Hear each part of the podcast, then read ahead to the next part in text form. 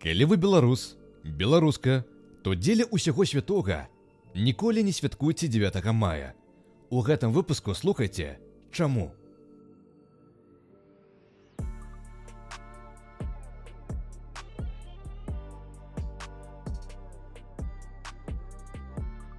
Вітаю! З вами на мікрафоне Услаў Пашкевіч і вы слухаеце гэта падкасты дзедка.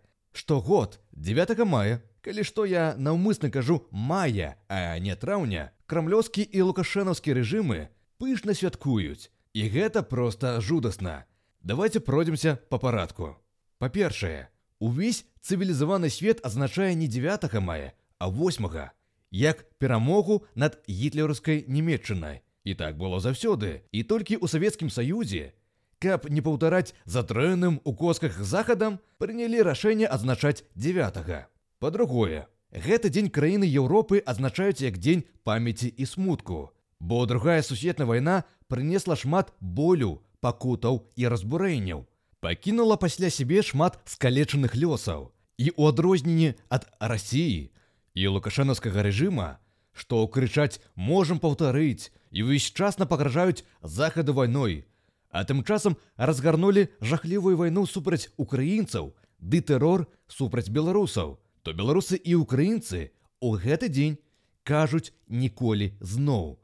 Бо што хочуць паўтарыць Пуін і Лукашенко. Гэта ў прынцыпе бачна па тых дзеяннях, што яны здзейсняюць ва ўкраіне і Беларусі. Украіну яны тэрарызуюць ужо на працягу двух год, А Расія вайну вядзе яшчэ з 14 -го года. І самых 90-х не дае спакою ані ўкраіне, ані Беларусі, як незалежным дзяржавам. Украіне атрымалася вырвацца з-пад расійскага ўплыва і выгнаць Януковіча. А вось у Беларусі Расія ўсё ж змагла ўмацавацца і рукамі Лукашэнкі здзейсняе знішчэнне беларускай дзяржаўнасці ды беларускага народа. Ды што ўжо там 90-е? Апошнія 200 год мы спрабуем вырвацца з-пад расійскай акупацыі. Паўстанні за паўстаннямі. А яшчэ раней бясконцыя войны з Масквой. Пэўна, вось што яны хочуць паўтараць. Бясконцыя крыважэрныя войны. А беларусы і ўкраінцы, як народы, што ведаюць, што такое боль, пакуты, страты, прыгнёт, не ідэалегізуюць другую сусветную вайну. У ёй няма нічога рамантычнага. Другая сусветная вайна гэта непрыгожая карцінка, дзе салдаты савецкай, амерыканскай ці брытанскай арміяў гераічна знішчалі нацыстаў і з гонарам увайшлі ў Берлін. Другая сусветная вайна гэта нацысцкія канцлагеры, дзе фізычна знішчалася насельніцтва Беларусі. Гэта і савецкія канцлагеры, дзе адбывалася тое ж самае. Гэта карныя паходы супраць беларусаў як нацыстаў, так і саветаў. Гэта калі нацысты расстрэльвалі невінных жыхароў, спальвалі іх жыўцом разам з хаткамі. Гітлераўцы за часы вайны спалілі, аграбавалі або панішчылі 209 з 270 гарадоў і раённых цэнтраў. І тое ж самае зазналі яшчэ 9200 вёсак. Можна прыгадаць трагедыю хатыні, на якой лукашанаўскі рэжым фальсіфікуе гісторыю. Але пра гэта прыгадаю пазней. Аналагічныя падзеі хатыні адбыліся ў яшчэ 216 іншых населеных пунктаў Беларусі. Другая сусветная вайна. Гэта яшчэ і калі савецкія партызаны рабілі тое ж самае. Вось прыклад з вёскай дражна. 15 красвіка 1943 года здарылася там сапраўдная трагедыя. Савецкія партызаны з другой менскай партызанскай брыгады паспрабавалі зладзіць рэйд супраць паліцаяў. У вёсцы не было немцаў, а толькі паліцэйскі гарнізон колькасцю 79 чалавек. Але тыя паспелі схавацца ў дзоты, ды сталіся недасягальнымі для партызанаў. Пра што тыя вылілі сваю раз'ючанасць на мірных жыхароў вёскі.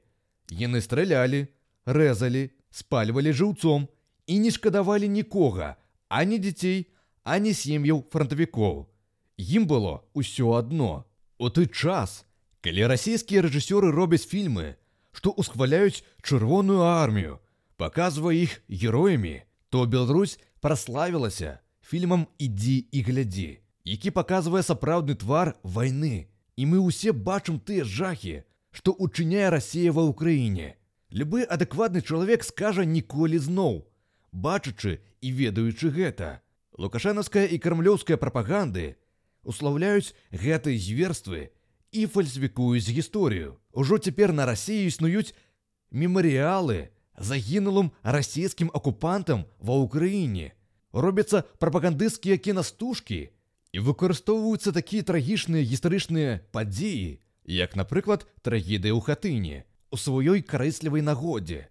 Іх прапаганда заяўляе, што бандераўцы спалілі хатынь. Можна нярэдка пабачыць усялякіх ботаў у розных садсетках, якія пра гэта пішуць каментары. Але калі проста адкрыць інтэрнэт, літаральна ў пошуку Google напісаць трагедыю ў хатыне, то з лёгкасцю можна знайсці інфармацыю, дзе можна прачытаць пра тыя самыя падзеі. Калі коротка, то савецкія партызаны атрада мсцівец абстралялі легкавую машыну, у якой забілі любімца гітлера Ганса Вёльке. Ён быў першым немцам, хто заваяваў златы медаль на алімпійскіх гульнях па лёгкай атлетыцы. У адказ нацысты скіравалі паліцэйскі 118 батальён на карны паход. Па слядах партызан нацысты выйшлі на вёску хатынь. Там яны і ўчынілі страшэнную карную аперацыю супраць невінных жыхароў вёскі. І тут узнікае пытанне: А якім бокам бандераўцы да 118 паліцэйскага батальёна, які ўзначаліў рэгор Васюра, які быў быўшым старшым лейтенантам чырвонай арміі. А сам батальён акурат і быў сфармаваны з быўшых савецкіх жаўнераў. Але гэты нюанс крайне няёмка пэўна прыгадваць, бо прапаганда пра страшаных бандераўцаў і гераічных савецкіх салдат ушчэнт знішчаецца проста гэтым фактам. Ну і як можна святкаваць 9 мая, ведаючы такія акалічнасці? Так, нацысцкая нямецчына была пераможаная. Было знішчана сапраўднае античалавечнае зло, але другое падобнае зло засталося савецкая ўлада беларускі народ зазнаў не менш гора ад савецкіх акупантаў, чым ад нямецкіх. Акурат савецкая ўлада ў трыцатых расстрэльвала невінных беларусаў, знішчыла 80соткаў цвету беларускай нацыі, А гэта інтэлігенцыя, выкладчыкі, пісьменнікі, навукоўцы і іншыя. Савецкая армія акупавала беларускую народную рэспубліку і пад акупацыяй Беларусь прыбыла ажно да 91 -го года, а ў саркавых зазнала падвойную акупацыю. Гэта акупацыя паўтарылася і сёння, бо расійскія войскі незаконна стаяць у Беларусі. І тое, што Савецкі саюз аказаўся сярод пераможцаў над нацысцкай нямецчынай, ніяк не дае права апраўдваць тыя зверствы, што учыняла савецкая ўлада. Па-трэцяе, гэта пераўтварэнне дня памяці і смутку у пабедабесе. Я раней узгадваў пра лозунг можам паўтарыць. Сюды можна дадаць георгіўскую стужку, якая сталася сімвалем расійскай агрэсіі супраць Украіны. Прычым самі аматары пабедабесія не ведаюць, што ніякай георгіўскай стужкі ў савецкім саюзе не было і быць не магло, бо георгіўская ўзнагарода існавала за часамі расійскай імперыі, што была ідэалагічным ворагам для савецкай улады. Вось за часамі Савецкага Саюзу была гвардзейская ўзнагарода. Хаця прыхільнікі такіх жудасных святаў не асабліва любяць аналізаваць тое, чым пэцкаюць ім свядомасць. І вось усё гэта разам у дзень памяці і смутку Лукашенко і Путін ладзяць велічэзныя парады з дэманстрацыяй зброі, ладзяць святочныя канцэрты, дзе з усмешкай на тварах танчаць пад абсалютна бязглуздыя песні, перапранаюцца ў форму савецкіх салдат, а чаго яшчэ горш у энкавідістаў. І вось што цікава, менавіта ў такой форме у савецкім саюзе пачалі адзначаць толькі ў 1965 годзе. Уяўляеце, прайшло цэлых 20 год пасля сканчэння вайны і гэта не проста так. Бо пакуль была жыва народная памяць пра тыя жахі, то баяліся нешта падобнае ладзіць. А за гэты час паспела немало ветэранаў вайны памерці.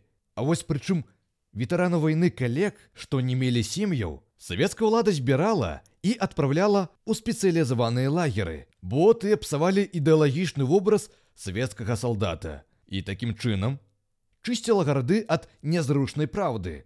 Тым часам і новыя пакаленні падраслі, каму можна было ўдзёўбваць у галовы такую лухту, бо тыя не бачылі на ўласныя вочы, жахі вайны. Такім чынам можна падагульніць, што ў ніякім разе не можна святкаваць 9 мая. Варта адзначаць дзень памяці і смутку 8 траўня. Як гэта робіць цывілізаваны свет. А мы ж беларусы, частка еўрапейскага цывілізаванага света. Дасылайце гэты падказ сваім сябрам і сяброўкам. Абяркуйце гэта разам. Ну і яшчэ пачуемся ў наступных падкастах.